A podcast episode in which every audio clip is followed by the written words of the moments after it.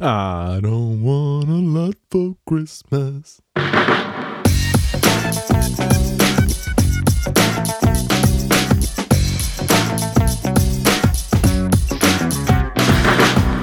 Du hører på Psykologlunsj, populærvitenskapelig lunsjprat med psykologene Tommy, Jonas og Jan Ole.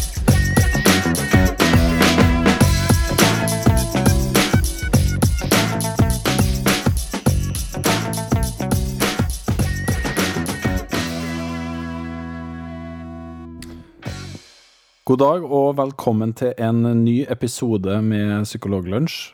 Mitt navn er Tommy Mangerud, og med meg har jeg som alltid Jan Ole Hesselberg og Jonas Våg. Takk for sist, Jonas. Takk for sist, ja. Det var stas, det. Ja. Jonas har jeg sett for noen få timer siden, for han var på julebord eh, hjemme hos meg for noen få timer siden. Jonas og Tommy har jo sitt eget psykologlunsj-julebord, Ja. hvor ikke jeg er invitert. Men kanskje neste år. Det var nydelig mat, da. Veldig Nydelig nydelig mat. Det var, Eh, Det var bedre enn lunsj, for å si det sånn. det Hva spiste dere? Sjømat, reke, smørbrød? Ikke langt unna. hvitvin og majones. Ikke langt unna. Vi hadde en fiskesuppe med annet reker i, og så hadde vi andebryst Mm. Mm. I rekesuppa. I rekesuppa. Ja. Litt rart. det- Og så hadde vi ost oppi der, eh, av typen fransk. Masse, masse blåmuggost oppi der Ja. etterpå. Og så, blend, så hadde vi en sånn mikser, og så blenda vi alt det sammen. Ja. Og så var det sånn og så var det gjett eh, hvilke ingredienser som er oppi her, og Tommy vant jo, da. Så han eh, klarer å Fordi han lagde maten. Ja. Ja. Mm. Så sånn var det. Men ehm, det første jeg skal si i dag, er egentlig til deg, Jonas. Nei, fordi at du eh, satte jo opp et lite narrespill for meg og Jan Ole ved forrige opptak. Gjorde jeg det? Eh, Ja. Det kan ikke jeg huske på. Det er så det var- lenge siden. Ja, og det var veldig morsomt. Eh, det tok oss veldig lang tid før vi oppdaga det. Det tok jo litt tid, for vi hører jo ikke på vår egen podkast. Så, så vi oppdaga jo ingenting. Nei, For, for jeg oppdaga ikke før noen eksplisitt sa til meg at du må høre på podkasten. ja, Ja. det samme Og. Jonas har drevet med fanteri. Sant? Det var akkurat det samme her. Det, fordi det som skjedde, var jo at eh, Jonas hadde jo rota til mikken sin, eller noe sånt, sånn at han mangla jo de første minuttene av opptaket og fylte etter det med morsomme linjer eh, i ettertid.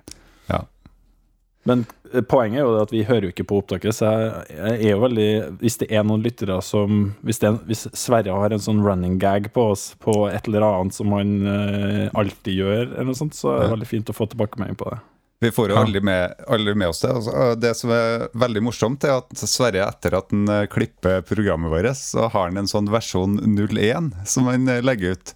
Er Og det det, sant, det er bestandig den versjonen som vi, som vi legger. For det er ingen av oss som orker å høre på. Eh, så så proff er vi, da. Ja.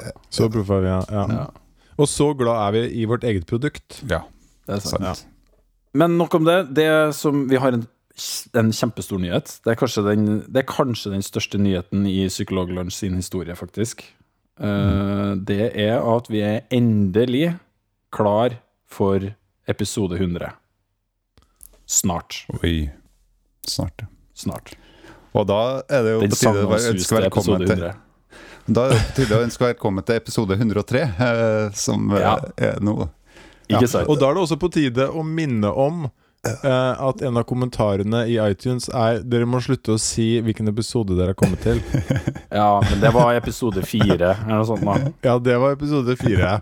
Da var vi litt opptatt, skjønner du. Og da lagde vi den regelen også, at vi skulle slutte å si det. Vi var så glad for at vi hadde starta podkast på den tida. Men vi har, vi har satt av en dato. Vi har satt av en eh, til, eh, ikke bare en dato, men vi vet også at eh, det er noen som skal arrangere dette for oss. Yes, Episode nummer 100. det er det. Vi skal er møtes i Trondheim. Ja. Uh, hjelp meg litt med datoen nå. Det er 23. Det er 24., ikke det? 24. februar. Februar Er eller mars. Det er Nå må vi ta det litt skikkelig her. Det er 24. Uh, Det er 24. 24. februar. Det er det. Uh, og det skjer på Samfunnet I Trondheim. i Trondheim. Uh, klokkeslett er vi litt usikre på. Jeg tror det er rundt klokka fem. Men eh, det blir informasjon om det det kommer til å dukke opp eh, på et eller annet tidspunkt. Og så skal jeg også snakke på Samfunnet dagen før. Ja. Eh, ha et lite innlegg der. På eh, samfunnsmøte. Mm. Og det er jo kanskje passende å si at det er 24. februar 2019, eh, så til dere som hører på Ja. Radio Trøndelag og hører gamle episoder fra eh, ett, to Ja, det- til fem ja. år eh, tilbake, eh, dere må ikke møte opp hvis det er senere enn 2019. Hvis det er 2020, så kommer ikke vi til å være der. Eh, mest sannsynlig ikke. Som vi vet. Ja, som vi vet. Så vi ikke Og så er jo det Det kommer jo til å bli et slags uh, julebord for oss uh, på den lørdagen, håper jeg. Jeg håper at dere kommer på den lørdagen dagen før. Mm. uh, Psykologlunsj live. Så da må jo bare folk komme og eh, henge sammen med oss og være med på vårt uh, nyttårsjulebord Mm. i februar. Det blir kjempestas. Vi, vi skal gjøre et godt forarbeid. Eh, minst én dag før så, så, så kommer vi til å legge opp til et kjempebra program. Så det blir både det ene og det andre. Og vi, vi, vi kommer til å bare dele litt mer informasjon med dere etter hvert som det nærmer seg. Det kommer mer informasjon, og vi vil gjerne Vi har jo lyst på noen eh, gjester, kanskje. Vi skal Eller prøve å få det til det. vet vi at vi har lyst på. Ja. Eh, så da, det tar vi gjerne imot eh, forslag på. Hvem Mm. det er som kan være gjest i dette, dette liveshowet. Ja. Det gjør vi. Og Nei, hvis noen- ja. Hvis, hvis noen har lyst til å være gjest sjøl, så send en eh, søknad om det. Eh, noen det får også. linjer. Eh, og om hva du har lyst til å snakke om, så kan vi, kan vi ta, ta det til vurdering òg. Kan ikke vi gjøre det? Det kan vi gjøre. Jonas tar imot de søknadene. Men, men det, helt seriøst, jeg gleder meg skikkelig masse. Eh, vi bra. hadde jo liveopptak en gang tidligere eh, på Familien, og det var stor suksess, og vi hadde det så morsomt. Eh, Vi hadde det kjempegøy. Og det kom jo mennesker som betalte penger. for å sitte og høre på oss. Og de, til, altså i hvert fall live på opptak, faktisk, for de mora seg også. Det var latter Ja. der i bakgrunnen. Så det var great success. Mm. Vi, og det, vi, det tror ikke det koster penger nå. Eh, og det var, vi, vi fikk ikke noen penger sist. Vi har aldri fått noen penger. Eh, så mm, Kan du understreke det? eh, Vi har aldri fått noen penger. vi gjør jo dette primært eh, for pengenes skyld. Eh, det er bare veldig, veldig lite penger. Det er bare at det er som regel vi som bruker dem ut. Ja, det, vi, vi, for, for å kunne bruke penger. Det er derfor vi gjør det. Ja. På teknisk utstyr. Nei, men eh, det her blir bra. Um, mer info kommer om det. Vi skal starte på dagens program, uh, og det Vi har to eh, fantastiske um, foredragsholdere for, i dagens Psykologlunsj. Det er både Jonas og Jan Ole. Det blir kjempebra. De beste episodene er når Jonas og Jan Ole uh, presenterer sine saker. Du slipper ikke unna eh, neste gang, Tommy. Jørgen. Men du, forresten, først så har du en eh, sak også, eller en liten opplysning, eh, Jan Ole. Ja, eller opplysning. Eh, Jeg tenkte å komme med en podkastanbefaling. Ja. Mm. Eh, Det har dukket opp en ny podkast på markedet som jeg tror mange av våre lyttere kunne ha interesse av å høre på, og kanskje spesielt mange psykologer også burde høre på denne podkasten. Det er en podkast som heter Nerve, eh, med Tone Sabro, som hun er eh, eh, produksjonsassistent for eh, for Dialogisk-podkasten med, med Dag Sørås og Gunnar Tjomli. Mm. Og jeg var denne uken. Og hun har, eh, har da nettopp startet en podkast. Og i den første episoden der så snakker hun om, eh, om sin egen erfaring med en innleggelse hun hadde i psykisk helsevern for ikke så lenge siden. Og det syns jeg var et ganske forfriskende puss. Det er, en, eh, det er jo en tøff historie, men, eh, men jeg syns, i hvert fall for meg som psykolog, så var det et perspektiv som jeg ikke får så veldig ofte. Eh, man glemmer det litt eh, når man sitter i terapi og eh, på de arbeidsplassene man er, at man, man har en ganske sånn Det er en ganske spesiell situasjon man sitter i. Man, man eh, har ikke nødvendigvis eh, Selv om pasienter forteller om bakgrunnen sin og hvordan de havnet der de er i dag, så, eh, så sitter vi med eh, pasienter i en situasjon som ikke nødvendigvis er så representativ for det de har opplevd. Mm. Um, og da er det veldig fint å kunne høre noen fortelle om det, det som skjedde i forkant av denne innleggelsen. Det syns jeg hun gjør, uh, gjør veldig godt. Så anbefaler alle å høre på den. Nerve heter den altså. Den ligger ute, ligger ute i iTunes og hvor ellers man eh, finner podkaster. Ja. Og hun har laget tre eh, episoder eh, så langt. Mm. Kjempebra. Det, det regner jeg med folk sjekker ut. Um, da skal vi over på programmet, og først ut er Jan Ole. Eh, du har en sak om weirde forskningsdeltakere. Eh, snakker vi rare forskningsdeltakere, eller hva, hva er greia? Vi snakker rare forskningsdeltakere. Det er jo egentlig verdens beste eh, akronym. Um, det er en forkortelse som står for White Educated Industrialized Countries Rich Democracies. Eh, og ja, og Rich Democracies, ja. Det var det siste. Så det blir Så weird. er- det blir weird. Det blir weird. Da.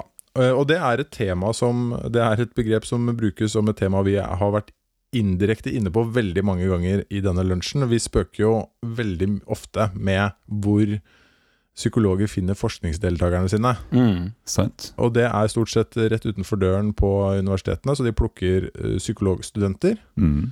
Ikke nødvendigvis for at eh, psykologstudenter i industrialiserte, rike demokratier eh, er de aller mest representative menneskene i hele verden.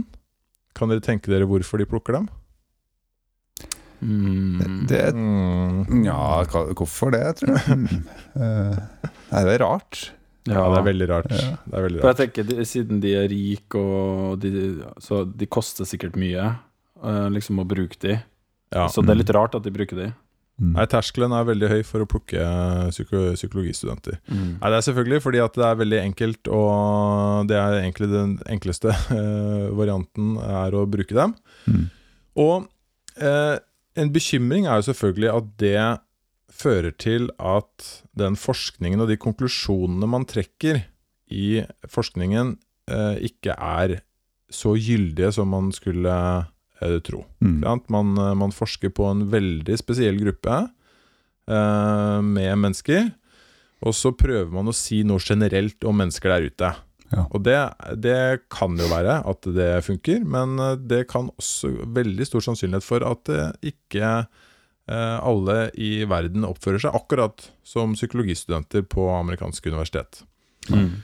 Og så, eh, nå ble det, eh, ble det publisert en eh, artikkel for ikke så veldig lenge siden, eh, som heter 'Toward the Psychology of Homo Sapiens Making Psychological Science More Representative eh, of the Human Population'. Mm. Nettopp. Bra. Så eh, det de gjorde, disse forskerne, det var å eh, se på alle artiklene som ble publisert i Psychological Science, som er et veldig kjent eh, tidsskrift, i 2014. Og så gikk de gjennom alle disse artiklene for å se hva slags deltakere var det egentlig med i de eh, studiene som ble publisert der. Mm. Da fant de at uh, ca. 60 eh, var deltakere fra USA. Ca. 70% var deltakere fra engelskspråklige land. Eh, og 94% var fra vestlige land. Eh, så, eh, så det er jo en ganske stor andel som er fra et lite utvalg av, eh, av land, da.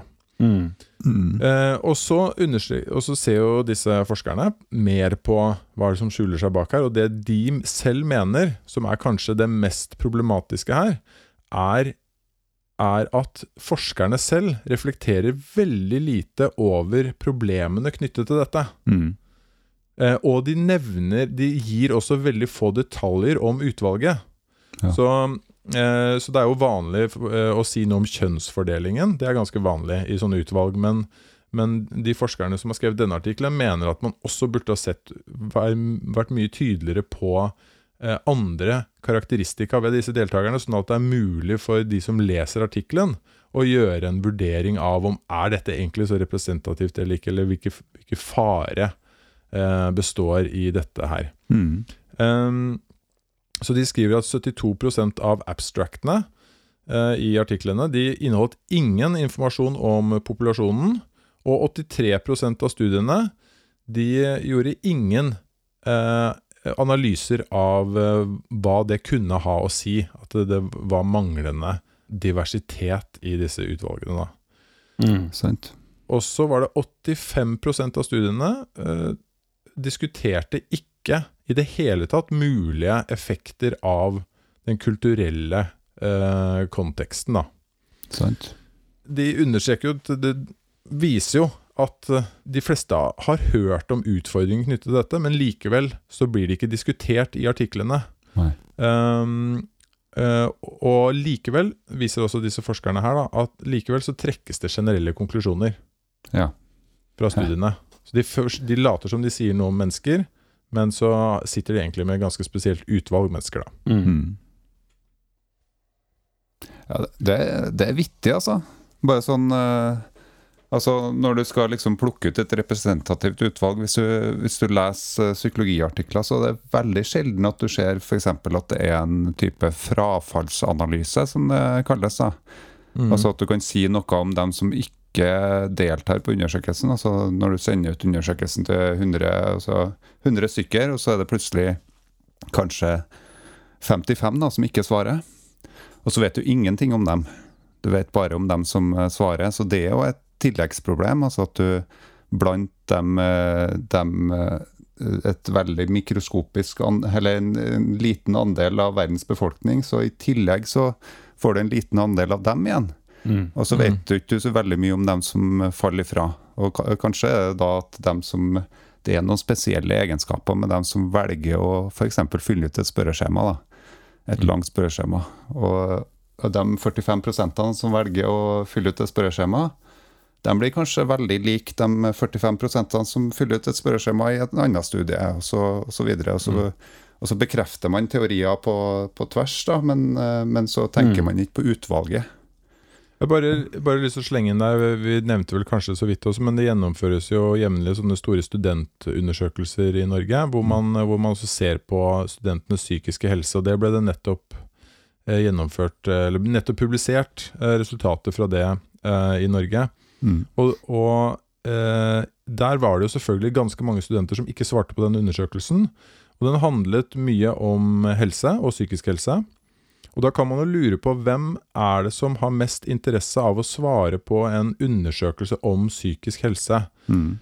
Eh, det jeg vil tro, jeg vet jo ikke, men jeg vil anta at det er en viss mulighet for at de som er, eh, er eh, har hatt en del plager, Mm. at de er mer tilbøyelige til å svare på dette, mens de som overhodet ikke har noen plager, kanskje ikke syns at det er så interessant å svare på en undersøkelse som spør om det. Mm. Og så så man også i utvalget som svarte på den undersøkelsen, at andelen kvinner var mye høyere enn Uh, enn, uh, i det utvalget som man sendte det til, hvis jeg ikke husker uh, helt feil. Mm. Så, så der får man sånne typer skjevheter som man, Når man hører, får overskriftene, da, hvor overskriften var at veldig mange plages med psykiske plager, så bør man kanskje også stille seg spørsmålet hvem var det som egentlig svarte på denne undersøkelsen. Og det eh, redegjøres det litt dårlig for noen ganger, syns jeg. da. Og det mm. viser jo denne artikkelen også, at det redegjøres litt lite for det utvalget. Mm. Mm.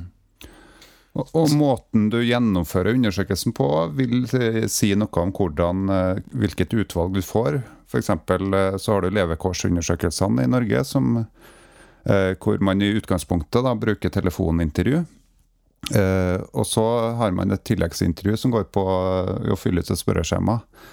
Eh, og da ser man at, eh, at eh, det er vesentlig med høye, høyere forekomst f.eks. av røyking da, hos dem som har gjennomført eh, telefonintervjuet, enn dem som eh, gjennomfører papirintervjuet og sende papiret tilbake. Så, så kan man jo tenke seg at det, er- her er det noen variabler som altså noen uavdekte variabler som kanskje er med å forklare hvorfor, eh, hvorfor har vi det skeive utvalget. Mm.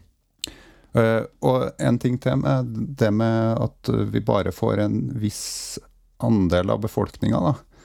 Eh, det er jo at hvis vi plukker ut bare psykologistudenter til å teste ut psykologiske teorier, så kan det jo være at uh, de eh, får en hunch av eh, hvordan Altså, de går jo et, de går jo et eh, fag, dem òg. så får de en hunch om hva, hvilke sammenhenger er det man ønsker å undersøke her. Eh, og, så, og så blir det en sånn form for selvbekreftelse da, av et fag. Eh, så det kan, kan, jo være lurt å teste ut på ulike grupper også av den grunn. At, eh, at, for folk som ikke er så godt kjent med psykologien, se om de samme mekanismene og samme eh, tingene korrelerer der. da. Det, og det er jo ja. Ja, det er nok av eksempler på, på studier som er gjennomført uh, i, i, andre kulturer, som gir andre typer resultat enn de man, uh, man fant uh, opprinnelig. Så det, det, er helt åpenbart at det er viktig. Mm. Men det er jo Det forunderlige er jo at kanskje man ikke reflekterer mer over det og ikke gjør rede for det, som du sier, fordi det er jo et veldig vanskelig problem å overkomme. Uh, hvis du er, er doktorgradsstudent uh, eller professor på et universitet, og du jobber med ditt prosjekt, uh, så har du begrensa midler. Du har ikke muligheten til å sample et representativt utvalg fra hele kloden. Nei. Mm. Og, det, og, det, nevner de i denne artikkelen også. nettopp det, ikke sant. At, at insentiv, altså insentivene i forskningen i dag er jo lagt veldig til rette for minste motstands vei. Mm. Uh, og uh, også at man gjør en del sånne triks med de tallene man har fått inn, som man kaller det salami-slicing. Altså man, at man publiserer mye på, på, dataene sine, så man deler opp dataene i, i veldig mange eh, mange mm. studier, eh, sånn at man får veldig små studier til eller lite data per artikkel. Mm. Men da får du publisert masse, eh, og det er det du får eh, poeng for, da. Mm. mm. Eh, og det Jeg jobber jo for fors to forskningsfinansiører, og det er jo en, en, utfordring, vil jeg si, for de som skal finansiere forskningen. At det er i akademia så er det en sånn insentivstruktur da, som ikke nødvendigvis eh, bygger opp under den beste forskningen. Mm. Og Det kom også nylig, nylig, en studie som så på eh, Som handler om litt av det samme, som så på bruken av spørreskjema i psykologisk forskning. Hvor det ble stilt et spørsmål om er det egentlig sånn at vi forsker på mennesker i naturlige menneskesituasjoner. Eller har vi bare gått over til eh, bruk av spørreskjema hvor vi spør folk indirekte om hva de egentlig tenker og, og mener og gjør?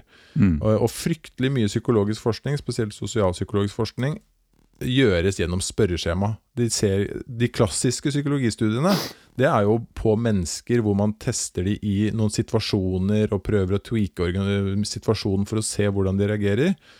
Mens uh, nå er det veldig mye forskning som skjer mm. ved å bare spørre folk om hva de tenker og uh, hvordan de handler. Og det er ikke helt Det vet vi ikke er det samme som å faktisk se hva de gjør i de situasjonene. Så det handler om litt av det samme. At det er enklere å gjøre det på den måten. Mm. Sant.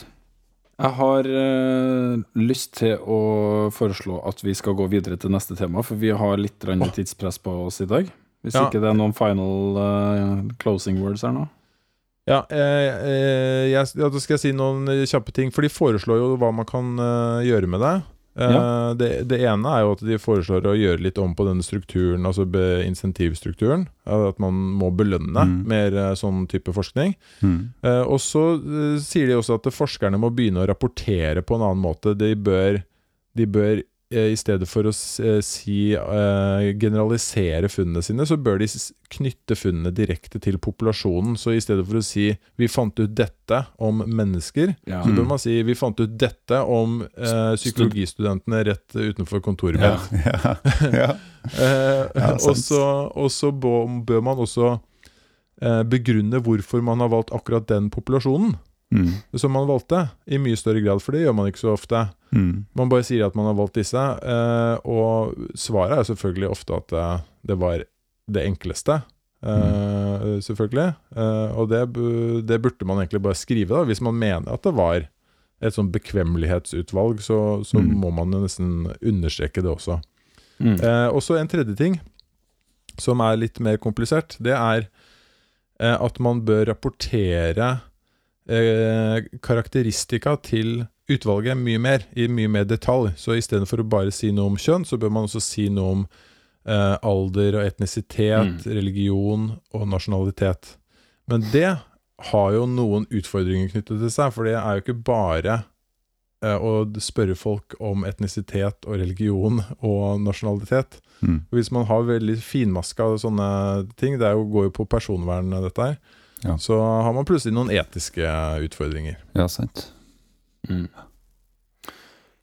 Kjempebra. Eh, Da skal vi over på eh, neste tema. Det er jo sånn, når eh, vi, Før vi starter opptak, så er vi ofte sånn, spør vi eh, Ja, Jan Ole, hvilken sak Hva skal du snakke om? Jonas, hva skal du snakke om? Og da er det sånn Ja, jeg skal snakke om tryllekunstnere og et eller annet sånt. eh, og i dag har jeg spurt Jonas hva skal du snakke om, så eh, sier Jonas jo, jeg skal snakke om bullshit jobs, stupid organizations and stupidity management. Jonas, forklar. Jo, eh, eh, jeg kan jo si sånn eh, Før jeg gikk inn på rommet her og skulle være med i opptaket, så, så spurte kona mi da om hva skal du gjøre, du? Nei, nei, hva driver du på med? Jo, jeg sitter og forbereder et, et foredrag om Eller et innlegg om meningsløst arbeid. Eh, Og så sa hun til meg at eh, jeg kan ikke tenke på noe mer meningsløst enn det. Eh, Så da, eh, så da eh, Men eh, det som er kjekt til meg, er at jeg opplever det er meningsfylt å, å gjøre ting som hun opplever som meningsløst. F.eks. å spille PlayStation eh, en hel dag. Men er det av at hun syns det er meningsløst, at du syns det er meningsfylt? Eh, Det vet jeg ikke. Det, det kan hende at det er andre eh, faktorer som jeg ikke Ok. har tatt høyde for. Ok. Eh, nå skal vi snakke om bullshit jobs først. For altså, i, denne historien altså, Jeg driver og skriver en bok om organisasjonspsykologi. Også i forbindelse med det, altså at jeg skrev om motivasjon. og det som kalles salutogene prosesser, altså mer sånn positive psykologiske prosesser. Eh, altså hvordan bli engasjert i arbeidslivet. I en tidligere episode så snakka vi om gamification. da. Mm. Eh, hvordan du kan lage, eh, legge inn spillelementer i, i arbeidslivet, sånn at det blir mer engasjerende. Eh, så dukka jeg kom jeg over mer sånn kritisk eh, ledelses- og organisasjonsteori. Og, og den er ganske fornøyelig, da. Eh, for, eh, for i kritisk organisasjonsteori så er det bl.a. En, eh, en gruppe forskere som, og teoretikere som har begynt å skrive om bullshit jobs. Blant annet da, så handler det altså, det, Grunnen til at jeg trakk fram gamification og altså det å skape et jobbengasjement, der setter man spørsmålstegn ved er det, er det tiltak som du gjør for å opprettholde et engasjement om en, en jobb som i utgangspunktet er bullshit? Eh, som er ganske morsomt. Mm. Hva er en eh, bullshit jobb? Jo, eh, tanken er at eh, altså, tidligere, når vi hadde en stor eh, eh, gruppe arbeidstakere som jobba med produksjon, eh, så, så hadde de fleste eh, altså, Så hadde man behov for arbeidskraft til å gjøre en god del arbeid. Eh, men med automatisering eh, og og at maskiner eller mer datadrevne teknologi da, gjør arbeidet vårt, så er vi nødt til å skape nye jobber. Og ikke alle de her jobbene har en veldig sånn definert funksjon. Mm. Eh, og ehm, de teoretikerne her, de snakker om eh, De kritiserer det vi kaller kunnskapsintensive organisasjoner. Da. Eh, og trekker fram at eh, kanskje noen av de her kunnskapsintensive organisasjonene eh, bullshit-intensive eh, organisasjoner i stedet. Altså at de snakker egentlig eh, høyttenkende eller lite tilgjengelig om ting som eh, ikke nødvendigvis har så mye essens, da. Som ikke har så mye å si for arbeidslivet generelt. Så i eh, eh, i forbindelse med det òg, så har det dukka opp i siste tida en bok eh, av en som heter David Graeber, eh, som heter 'Bullshit Jobs Theory'. Eh, og i den boka der eh, så eh, trekker han fram at, eh, at det, det Altså lidelse skapt av arbeid dukker opp når du uh, først innser at det ikke gir mening, akkurat det du holder på med. Uh, og Han trekker fram at uh, sånn, et sånt rundt overslag da, Han har ikke noe empiri på det, men han mener at sånn, omtrent halvparten av alle jobber er da bullshit. Altså at de har ikke noe funksjon. Såpass. Men at det likevel da finnes måter å overbevise folk om at arbeidet er viktig, selv om det egentlig er bullshit. Uh, og da uh, er det noe som heter stupidity management, altså for å, for å klare å opprettholde, uh, opprettholde det. Nå skjønner dere kanskje at dette her er provoserende innhold, men samtidig, men samtidig interessant. Eh, han David Graber da, trekker fram fem grunnleggende typer av totalt meningsløst arbeid. Ja. Eh, fem grupper, da. Eh, du har grupper som han kaller for flunkies. Det er arbeidstakere som har som funksjon å se til at deres overordna føler seg som viktige personer. For Jeg skal ikke eh, Vet du, jeg jeg kjenner på at det, det er litt vondt å egentlig si sånn Eksempler? eh, eksempler på yrker, fordi at Jeg har noen i hodet. ja, eh, Så jeg tar bare de ordene som han trekker fram. Da. Så har du goons. Eh, Det er arbeidstakere som har i oppdrag å være innpåslitne eller sint på vegne av sine oppdrag, oppdragsgivere. Eh, Du har duck du har gaffataperne, eller ducktapers. Det er dem som dek dekker over åpenbare problemer med det du driver med i bedrifta. Du har boxtickers. Det er dem som bruker Dem som har veldig trua på at bunker av papir eh, gjør, eh, eh, sikrer at organisasjonen har mer verdi enn det den har i utgangspunktet. Eh, og så har du taskmasters. Det er dem som lever av å skape merarbeid for andre, så at organisasjonen er i gang. Nydelig. Det er, men det, det, det, det verste med det, du, det at du snakker om det her, det er sånn, for det er utrolig morsomt, og man kjenner seg igjen, og så er det bare samtidig så utrolig, utrolig trist, fordi at det er så sant. Men, men eh, det, det jeg mistenker, da, det er at eh, de alle kjenner, kjenner igjen disse yrkene når de hører om dem, men det er ingen som har de yrkene. Nei, jeg skulle akkurat til å si det. Nei. Jeg lurer på hvor havner psykologer langs den aksen Ja, her. ja det, det som er og, og da tror jeg vi eh, Jeg har diskutert jo dette her med, med en gjeng eh, oppegående personer eh, tidligere. Og da, da kom vi inn på den, eh, eh, det spørsmålet om altså, hvem er det jobben bullshit for? Altså, Den er kanskje ikke bullshit for deg sjøl, Nei. og den er kanskje ikke bullshit for organisasjonen heller. Altså Organisasjonen opplever ikke den som bullshit, men kanskje på samfunnsnivå, hvis man tenker på hva og mer sånn fremtidig uh, Altså fremtiden for kloden, da. Mm. Så, så er det kanskje ikke, kanskje ikke det man skulle ha drevet på med. Hvis noen hadde tatt ansvar og sagt fra at kanskje vi skal gå i den retningen. Eller, Mm. Mm. Eh, så, det, så det er liksom veldig vanskelig altså, Vi kjenner oss igjen, men samtidig så hvem skal på en måte uh, ta ned foten? Og Hvem da er si vi, da er vi inne på et nytt poeng. Altså, det, det er en annen teoretiker da, som heter Spicer. Eh, som kom med en artikkel som het 'Shooting the shit. The role of bullshit in organizations'. Jeg bare begynner, jeg begynner å ane sånn der, eh, noe av grunnen til at det er provoserende. Litt sånn ordvalget som brukes Har ingenting med saken å gjøre. Det er titlene på artiklene.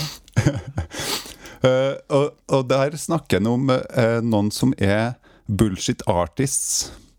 Altså, eh, det er kanskje ikke sånn at, at um, han, hev, han hevder da at uh, det er ikke sånn at, det- at eh, det er dem som eh, nødvendigvis har eh, vans, eh, altså vansker med å Eller ikke har så mange egenskaper til å komme seg opp og frem. Det er ikke dem nødvendigvis som eh, eh, som, eh, som blir bullshit artist, men det er faktisk dem som har de egenskapene til å komme seg opp og frem, og, og har også en god del kognitive og resonneringsegenskaper, da, eh, som kommer seg inn i bullshit-yrker også. Mm. Eh, så bullshit artist er arbeidstakeren som rykker raskt opp i karrierestigen gjennom å mestre the art of bullshit. Eh, og har en evne til å parere alle ubehagelige detaljer om det meningsløse med ens eget og andres arbeid gjennom å pakke det inn i bullshit som andre kjøper.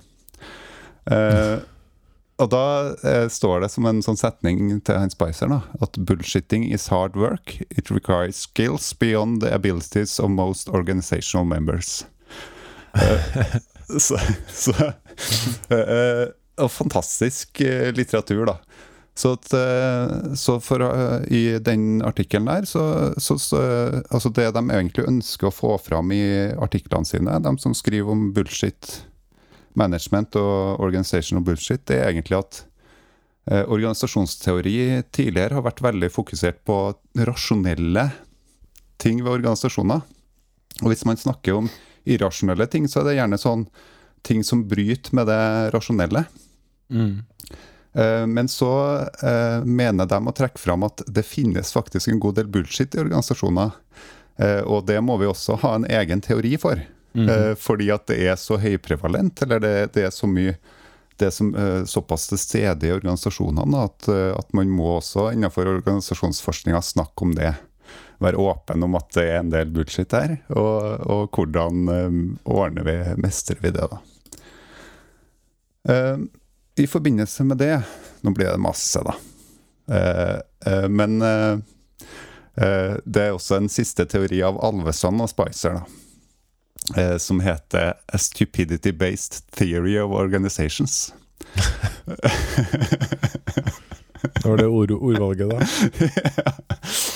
Eh, og da setter jeg en spørsmålstegn ved at om alle organisasjoner eh, eh, skal søke etter eh, arbeidstakere eh, som er eh, kritisk tenkende og har god evne til å snakke høyt om det de tenker. Eh, I stedet så mener de at enkelte organisasjoner heller burde eh, lyse ut stillinger for folk som ikke sier så mye det de tenker, men bare gjør sånn som sjefen sier. Eh, Men det, det, er jo, eh, det er jo et prinsipp man kanskje tenker litt eh, for lite på. Man snakker mye om kritisk tenkning og hvor viktig det er å stå opp for sine meninger og ikke la seg rive med av eh, gruppetenkning og osv. Mm. Men det er jo ingen tvil om at det er ekstremt kostbart om man, om man skal få til samhandling. ja. Eh, det, det er et poeng som jeg pleier å trekke fram, eh, ofte i alle fall, at i veldig mange situasjoner så er enighet og konformitet Mm. er faktisk mye bedre enn nøyaktighet i beslutningsprosessene. ja. Mm. Så, så bare det at man har enighet og konformitet, eh, det gjør at man har en framdrift og faktisk klarer å komme fram til beslutninger. Og veldig ofte så er det viktigere at man tar en beslutning, enn at man treffer den optimale beslutningen. Sant. så det, det poenget der, det kan jeg skjønne veldig godt. Fordi Ja. ingen vil jo ha liksom, en arbeidsplass full av sånne krangleflanter som oss. Nei, sant. uh, Så derfor snakker jeg om, om det som de kaller da functional stupidity. Uh, altså funksjonell idioti, da. At, at organisasjoner består av en, av en vesentlig høy andel av funksjonell idioti. Eh, og at de da eh, eh, mener at man kan ikke i organisasjonsteorien bare trekke fram det at folk, altså alle arbeidstakere skal ha skal være veldig sånn høy på ressurser og si fra, si fra høyt om hvor de mener at organisasjonen skal gå. Da. De trekker fram et eksempel at det var noen som sa at, at det beste du kunne gjøre, er å få to intelligente personer og sette dem i samme rom sammen. Eh, Men eh, her med functional stupidity så er det viktigst at du følger den lista med arbeidsoppgaver som du har fått hørt at du skal gjennomføre.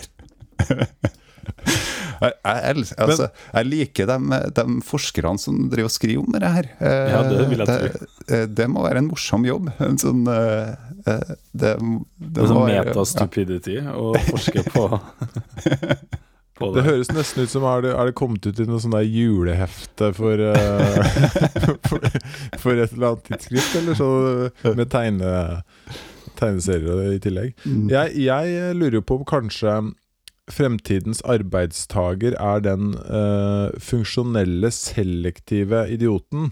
Mm. Eh, at, du, at du klarer å trekke fram funksjonell idioti og stupidity når det trengs, men at Mm. du At du ikke nødvendigvis eh, bare er det. Sant? Du vet når du må være idiot. Ja, Mm. ja men eh, jeg, jeg har et begrep eh, som jeg drev og snakka om sjøl, som jeg er usikker på om det finnes i mentaliseringsteori eller ikke. da. Men jeg snakker om at jeg skrur av og på mentaliseringsbryteren. Altså sånn uh, refleksjonsbryteren. da. Eh, altså, for noen ganger så gang så må du Så har du ikke tida til å gå gjennom alle mulige måter eh, jeg, jeg og du kunne ha tenkt ulikt om dette her. Eh, men, eh, men så må man bare si akkurat det man tenkte sjøl. Akkurat der og da. Det å skru av mentaliseringsbryteren, ikke, ikke tilpasse seg. Mm. Jeg Eh, føler, mer at det, jeg føler mer at det handler om å skru den på når det trengs, men at default-settingen er at den slår seg av igjen umiddelbart hvis du ikke Det sånn, jobber hardt. sånn med å- timer, sånn som vi har Sånn som vi har på kaffetrakterne på jobb. At du trykker på en knapp, og da varer det bare 30 Og minutter. så spretter du ut Eller ja, noen minutter, og så skrur det seg av igjen. Ja. Men tenk deg hvor magisk det kan du ha på funksjonell idioti òg, hvis eh, i framtida hvis, vi- hvis vi eh, får sånne typer chipper, da. Eh, Så kan det være en sånn timer for, eh, for hvor lang tid du får muligheten til å være intellektuell, da, eller eh, kritisk. Mm. Eh, og, så, og så skrur den seg bare av, og så gjør du akkurat det du eh, får fortalt. Da. Ja. Eh, Ja. Jeg skal ikke si noe mer om dette, her, men jeg jeg tenkte eh, det er jo viktig for lytterne våre at vi vet litt hva som beveger seg rundt i organisasjonsteorien òg. Og det her er, er, er festlig lesning. Jeg kan, eh, kan legge ut noen eh, linker om det hvis dere ønsker det. Det er- Jeg liker veldig godt at du ikke torde å si hvilke yrker som ble nevnt. Det sier litt om hvor edgy denne podkasten Ja, det tar helt av. Tar helt av. Uff, ja. Veldig bra. Da er vi ved veis ende på denne episoden. her Det er, er noe vi ikke reflekterte mye over ved starten. Det er faktisk eh, mest sannsynlig siste episoden før jul. Så i fjor, tror jeg det var, så hadde vi litt sånn julegavetema og litt sånne Ja. ting, eh, Ja. tror jeg det var. Eh, Det har vi ikke i år. I år har vi bare snakka om alt mulig, for vi har ikke tenkt over at det antakeligvis er siste episoden. Men Men- ja. jeg har en julesang i år òg, jeg. Har du det? Ja da.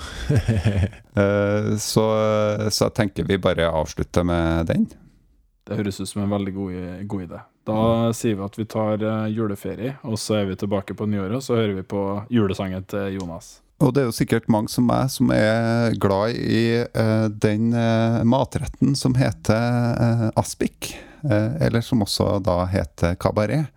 Eh, og hvis du har glemt av eh, eh, hva du skal uh, mikse sammen av ingredienser for å få den matretten, eh, så skal du få det rådet fra oss her. Eh, god jul.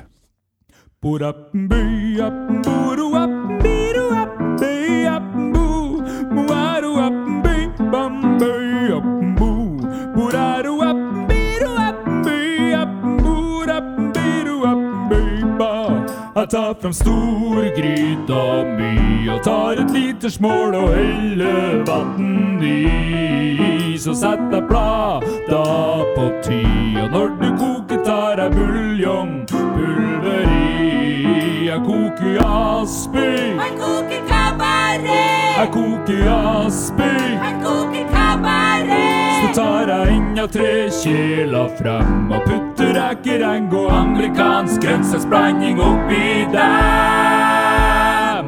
Borappen-by-appen, boro-appen-biro-appen-by-appen,